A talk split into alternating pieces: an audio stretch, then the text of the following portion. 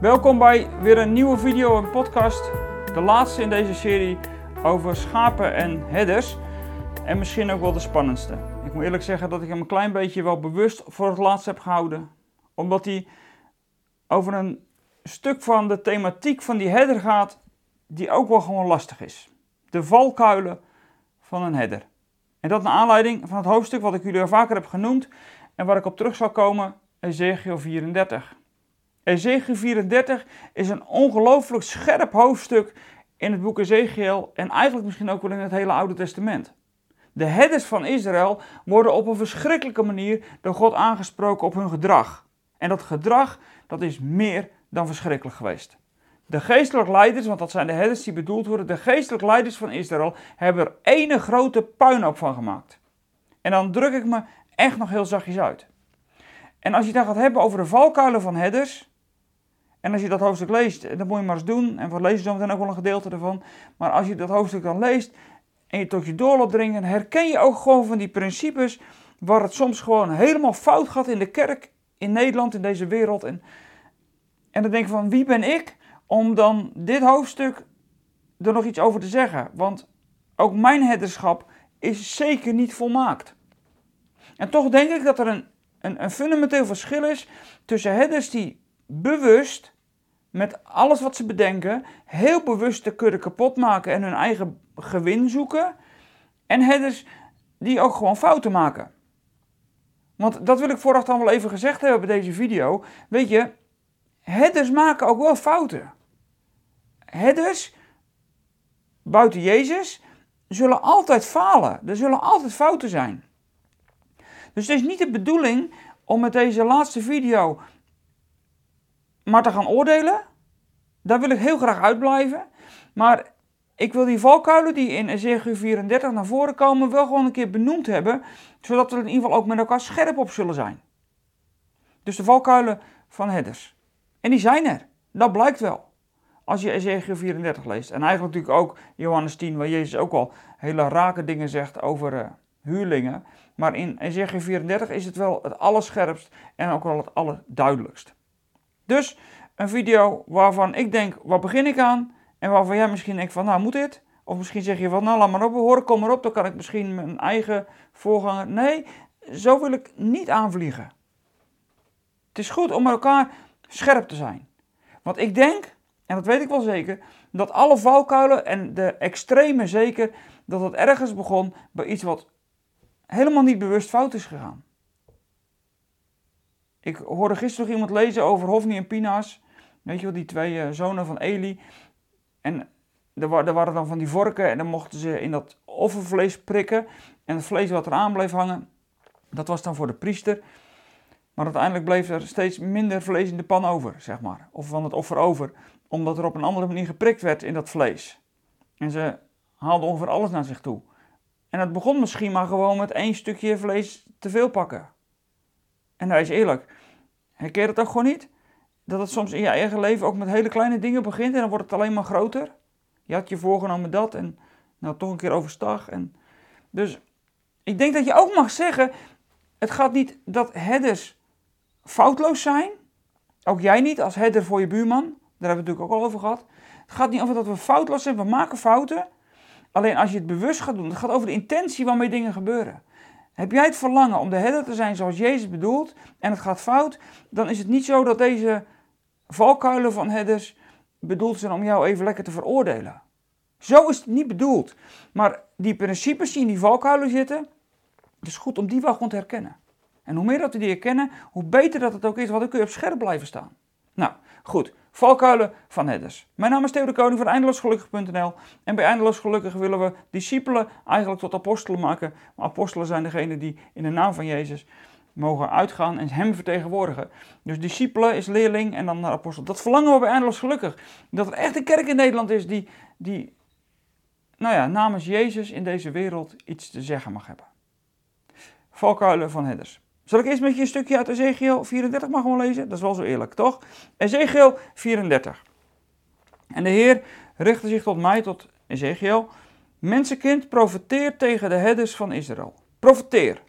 En zeg tegen hen, dit zegt God, de Heer. Wee jullie, herders van Israël, Want jullie hebben alleen jezelf gewijd. Horen herders niet hun schapen te weiden? Jullie eten wel van hun kaas en jullie gebruiken hun wol voor je kleren en jullie slachten de vette dieren, maar de schapen weiden, dat doen jullie niet. Zwakke dieren hebben jullie niet laten aansterken. Zieke dieren niet genezen, gewonde dieren niet verbonden, verjaagde dieren niet teruggehaald, verdwaalde dieren niet gezocht. Jullie, jullie hebben de dieren hard en vreed behandeld. Zonder herder raakten ze verstrooid. Ze werden door de wilde dieren verslonden. Mijn schapen zijn verstrooid en ze dwalen rond in de bergen en hoog in de heuvels. Over heel het aardoppervlak raken ze verstrooid en er is niemand die naar ze omziet. Niemand die naar ze op zoek gaat. Daarom het luister naar de woorden van de Heer. Zo waar ik leef, spreekt God de Heer. Mijn schapen hadden geen herder. Ze werden weggeroofd en door wilde dieren verslonden. En jullie herders, jullie keken niet naar mijn schapen om. Jullie, jullie hebben alleen jezelf gewijd, maar niet mijn schapen. En daarom herders, luister naar de woorden van de Heer. Dit zegt God de Heer.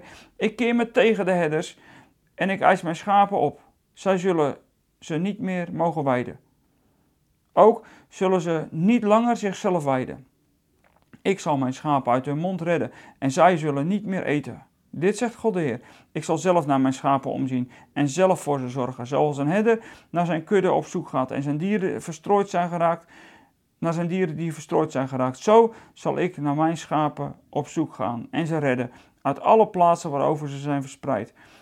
Op een dag van dreigende en donkere wolken. En ik zal ze bij alle volken weghalen en ze uit alle landen bijeenbrengen. En ik zal ze naar hun eigen land laten gaan, op de bergen van Israël. En bij de waterstromen zal ik ze weiden, overal in het land waar mensen wonen. Ik zal ze laten grazen op een, groen, op een goede weide. En hoog in de bergen van Israël zullen ze gras vinden. Op Israëls bergen zullen ze rusten, op groen grasland en in grazige weiden. Ikzelf zal mijn schapen weiden en ik zal ze laten rusten, spreekt God, de Heer. Nou, zo gaat het hoofdstuk nog wel verder. Maar het gaat vooral over het eerste wat fout gaat. God zegt in ieder geval wel, wat is gebeurd, zie ik. Dat is ook wel goed om vast te zeggen. God ziet wat er gebeurt en hij grijpt in. Dus God laat niet zomaar alles gebeuren.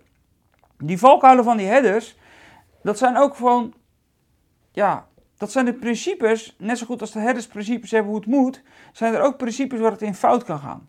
En waar die valkuilen wat struikelen is, kan een valkuil worden. Dus daarom is het goed om even bij stil te staan. En uh, dat begint dan in vers 2.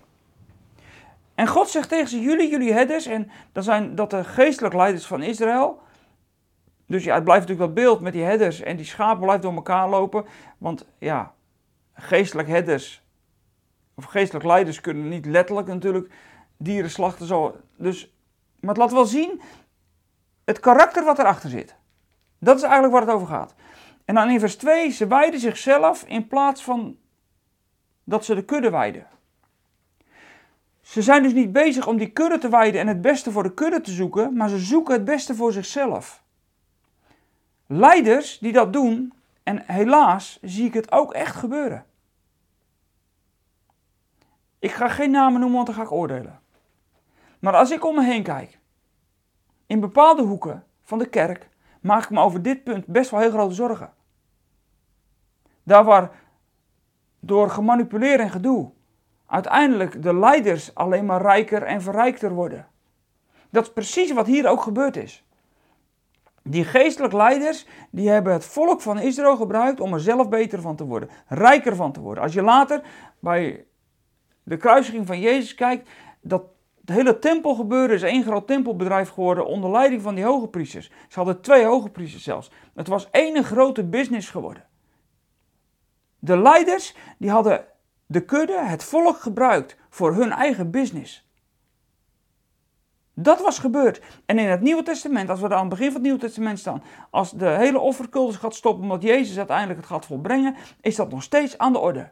Die geestelijke leiders, die zijn tot de dag dat die goede herder kwam, bezig geweest om zichzelf te verrijken. En als dat gebeurt, als die principes er zijn, dan gaat het niet goed. Als geestelijke leiders beginnen over geld, dan, word ik, dan sta ik echt op scherp. Ik hoor allerlei theorieën over tienden, daar mag je best gedachten over hebben. Maar ik hoor ook over wat je terugkrijgt als je één keer geeft en het lijkt wel bijna beleggen in de kerk. En God waarschuwt hier al dat er herders zijn die zichzelf verrijken ten koste van de kudde. Ze zijn bezig om zichzelf te wijden. En dat kan ook gewoon ook heel geestelijk zijn trouwens. Dat je uiteindelijk alleen die thema's uit de Bijbel mag gaan preken, dat kan ook hè. Alleen die thema's die jou zelf voeden. Zo kan het ook.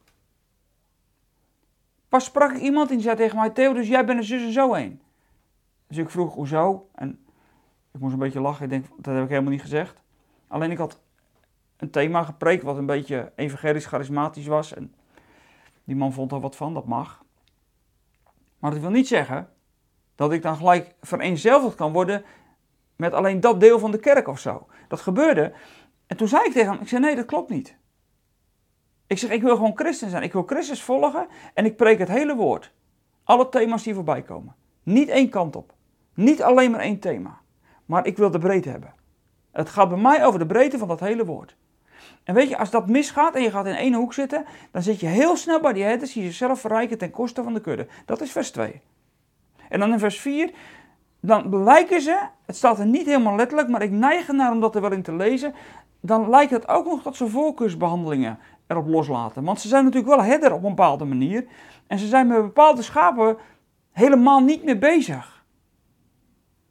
Soms zeggen ze in het pastoraat wel eens tegen je, ja jij hebt ook gewoon je lievelingjes, toch? Waar, nou, er zijn inderdaad mensen waar je gewoon een, waar je vaker komt dan bij een ander. En dat vinden anderen dan altijd weer lastig. En waarom ga je bij die een wel zo vaak? En vooral ouderen in de gemeente horen dat ook wel eens terug. Dan, waarom kom je daar één keer in de vier weken? En bij ons alleen maar op het moment dat we het nodig hebben. En dat heeft ook gewoon te maken met hoe begeleidingen lopen. Het is ook heel verleidelijk om datgene wat jou zelf het makkelijkst ligt, om dat te doen. Dat is niet per se, dat is niet gelijk fout. Er zijn gewoon bepaalde dingen, ook in het, in het pastoraat, die, jezelf, die jij gewoon makkelijker doet. En dan ben je heel geneigd om alleen daar maar te zijn. En dan krijg je iets wat in vers 4 heel groot geworden is. De zwakken worden niet versterkt. De gebrokenen verbinden ze niet. De verdwaalde brengen ze niet terug. En hetgene wat verloren is, dat zoeken ze niet. Kennelijk doen ze alleen nog iets met die schapen die wel leuk zijn. En ja, ik vind bepaalde thema's in het pastoraat ook gewoon lastig. Sommige dingen kan ik gewoon echt niet. Daar ben ik altijd heel open en eerlijk over. Dat vraagt dan of een ander dat kan doen. Maar het is hier heel bewust het negeren van datgene wat er echt, wat echt belangrijk is. En dus bezig zijn misschien wel met die schapen, wat gewoon veel minder belangrijk is dan datgene wat het echt nodig heeft. En je daar dan weer verrijken. Het heeft iedere keer met verrijken te maken. En het zijn valkuilen. En weet gewoon dat ze er zijn. Heb oog voor hetgene wat is afgedwaald. Heb oog voor hetgene wat, wat, wat ziek is. Heb oog voor hetgene wat kracht nodig heeft. En ook als het over verkondiging gaat, is het zo belangrijk dat die groepen ook gevoed worden. Dat je het ook oog hebt voor die. Niet alleen pastoraal, maar het heeft ook in het onderwijs te maken. En moeten, ik geloof echt in de gemeente, thema's ook gewoon aan de orde komen in het onderwijs. Die ook die doelgroepen van schapen die dat specifieker nodig hebben dan het algemene, dat het er ook is, dat dat beschikbaar is. Ik heb al eens gezegd, laten we maar aan een leerhuisconstructie beginnen. In de kerk, waar er een bepaalde keuze is over bepaalde kringen die er dan zijn. En wat op dat moment bij jouw geestelijke level past, zodat je daar kunt aansluiten. Weet je, daar moet je oog voor hebben. Dat is een valkuil om dat niet te hebben. En om bezig te zijn met datgene wat altijd gewoon soepel loopt en makkelijk gaat. Ja, maar soms moet je ook aandacht hebben voor die andere kant. En dat hoef je niet allemaal zelf te doen. Dat heb ik ondertussen door de jaren heen ook wel geleerd. Dat kun je met elkaar doen. Dat kun je ook soms anderen laten doen. Maar heb er met elkaar oog voor. Een, een geestelijk leider. En ook als het leiding is met een hele kleine letter en een klein beetje leiding, alleen maar met je buren. Of, of iets groter. Of een, een kring of een club. Of, maar heb er oog voor dat er zijn die meer nodig hebben dan datgene wat jij makkelijk doet. En dan zijn er groepen die soms wat lastiger zijn. Ze doen het hier in ieder geval alleen maar om er beter van te worden. Dat blijkt ook. En chaos is het gevolg. Want die schapen die, die, die, die dwalen vervolgens over de hele aarde. Ze zijn overal. Het lijkt wel of Jezus, of dat God hier zegt in Ezekiel, dat is de kerk hoe het er nu, wat nu steeds meer zou gaan ontstaan in, in dat Oude Testament. En uiteindelijk, omdat ze niet geleid worden, daardoor struikelen, fouten maken, is uiteindelijk verspreid door de zonde, uiteindelijk van de leiders, is Israël verspreid over deze hele wereld. En kijk uit dat het in het Nieuwe Testament voor de kerk ook niet gaat gelden. Dat we, omdat het niet meer gaat om waar het over moet gaan, dat er een verspreiding is over de hele wereld. Want dat is hier gebeurd. En dat kan God niet accepteren. En daarnaast verwaarlozen ze ook de schapen. Want ze worden prooien van de wilde dieren. Weet je, soms is er gewoon, ook voor een geestelijk leider, tegenstand en weerstand waar je de kudde doorheen moet brengen. En dat gingen zij uit de weg. Dan zit je een beetje in die sfeer van die huurlingen van, van Johannes 10. Maar dat is wel een valkuil. Als de vijandelijke macht op afkomt, en dat is dan duisternis, dat is de duivel met zijn hele trawante club. Als die erop afkomt, dan toch maar een beetje toegeven of zo. En dan verwaarloos je, en dan, dan uiteindelijk verwaarloos je op die manier mensen dat de, dat de wolven inderdaad ze verslinden. Omdat ze niet meer weten waar ze aan toe zijn en niet meer weten wat waar is. Het zijn van die kleine stapjes waar je daar steeds dieper in kan raken in de kerk. En ik geloof dat dit gewoon ook een keer gezegd moet worden. Eerlijk zijn met elkaar. En daarom moeten we deze hoofdstukken af en toe gewoon lezen. Het is niet alleen maar fantastisch leuk en mooi. Het is soms ook moeilijk en zwaar. En uiteindelijk de troost, en dat vind ik ook de bemoediging uit dit hoofdstuk. God ontneemt uiteindelijk die verkeerde, die bewust fout kiezende herders, die, die, die ontneemt hij hun verantwoordelijkheid. Hij eist de kudde op. Dat is in het Oude Testament natuurlijk straks Jezus komt. En je kunt niet zeggen, ja, Jezus komt straks nog een keer en dat gebeurt dan straks pas. Want die herders moeten er nu ook bij, die schapen moeten er nu ook bij gehaald worden. Maar God laat wel zien, hij laat het niet eindeloos gebeuren. En dat zal hij in het Nieuwe Testament anders doen. Ik geloof ook dat er een ongelooflijke, waar hele grote dwalingen zijn, dat God op een gegeven moment vanzelf zal ingrijpen.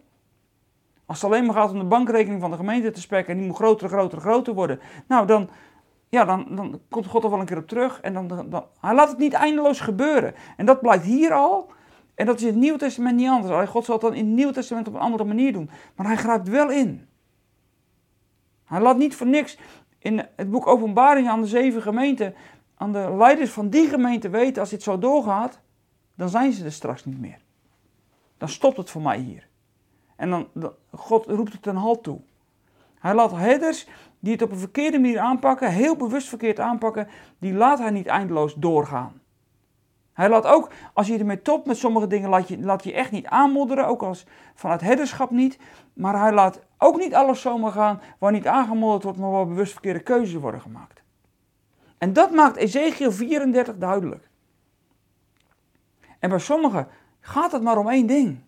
Ik zie op dit moment echt ook gewoon in de kerk bedieningen opkomen waar het alleen maar om spektakel en wonderen gaat. Het gaat in het evangelie over wonderen. Het gaat soms over het spektakel dat God doet wat we hier niet op een rijtje kunnen krijgen. Maar het is niet het een en het al. Er is ook nog een heilige God. Er is ook nog een God die van ons gewoon iets vraagt. En er is God ook een God die ons soms in die gebrokenheid laat zuchten en verlangen naar een tijd straks. Je kunt niet zeggen dat, dat de kerk alleen maar gefocust is op wonderen. Je kunt ook niet zeggen dat de kerk alleen maar gefocust is dat je zonde besef hebt en dat je maar gebukt gaat en dat is net zo erg. Ik geloof echt in een kerk in balans. Waar de uitersten er bij, bij elkaar komen en daardoor balans is. Laten we scherp blijven, alsjeblieft. Als kerk in Nederland. Met elkaar. En daar, ben je ook als schaap gewoon verantwoordelijk voor om het gewoon op te merken. Signaleer. Zorg dat je je Bijbel kent. vraag onderscheiding van geesten en zie wat er gebeurt. Maar laat ook het leiderschap in de kerk, laat het niet in de steek. Want weet je, ik, ik merk ook dat schapen de gemeente, kerkmensen, heel makkelijk met kritiek klaar kunnen staan. En dat herders ook onmogelijk maken. Dat voel ik soms ook. Dan doe je het nooit meer goed. Draag ook wel je leiders. Steun ze wel. Maar onderscheid wel wat klopt en wat niet klopt. Zo doen we het met elkaar. En daar sluit ik dan deze video ook gewoon mee af. En deze serie dus ook. Ik denk dat ik er genoeg over gezegd heb. Ik ga er bewust geen voorbeelden nu bij noemen, dat kan ik wel. Maar dan spreek ik zulke mensen daar liever zelf op aan. Dat vind ik eerlijker dan dat ik hier een, een, een video met allemaal. Ik hoor te veel geestelijk leiders op dit moment andere kerken helemaal zwart maken en kapot maken. Daar hebben we geen klap aan. En dat moeten we niet doen. En als je als geestelijk leider geen kritiek meer kan hebben, als je niet meer stuurbaar bent en corrigeerbaar bent, dan gaat het niet goed. Dus in die geest van corrigeerbaarheid en stuurbaarheid, daar ligt een heleboel ruimte om elkaar te helpen en te steunen en de kerk sterk te laten zijn. Ik hoop dat je met deze video een klein beetje te voeten kan. Misschien is die voor jou als gewone normale gelovige die gewoon zondags in de kerk zit en helemaal niks met leiderschap te maken heeft. Misschien iets minder actueel. Sorry, dat is gewoon een keer zo nu. Ik wilde dit ook wel een keer gezegd hebben. En jullie weten, ik heb deze video niet voor mijn plezier gemaakt. De meeste doe ik dat wel, maar ik vond deze lastig. En uh, daar ben ik ook nog heel eerlijk in. Fijn dat je kijkt. Goed dat je gekeken hebt. Deel het ook. Uh, geef even een blauw duimpje als je blij bent ook met een video als deze. En soms is dat soms een hele scherpe video, die zit er ook al tussen. En willen ons financieel steunen, wij worden soms echt verrast op het moment. We zijn natuurlijk bezig om onze studio uh, bij mij thuis in huis te bouwen. Zodat het veel makkelijker is om die video's te gaan maken. Um, en we worden soms echt op dit moment verrast. Wat er plotseling aan giften zomaar binnenkomt, zodat we het mogelijk kunnen maken. En we willen dat echt zo goed mogelijk doen en we willen er ook heel effectief in kunnen zijn. Dus we zijn er echt blij mee. Als je ons steunt, dat vinden we heel fijn. Dankjewel. En als je het niet doet en je wil dat gaan doen, nou denk er maar over na. En als je het niet kan en zegt van nou dat doe ik niet, dan zijn we even goede vrienden. Dan ben ik sowieso blij dat je geluisterd en gekeken hebt. En ik zal zeggen voor nu, tot volgende week.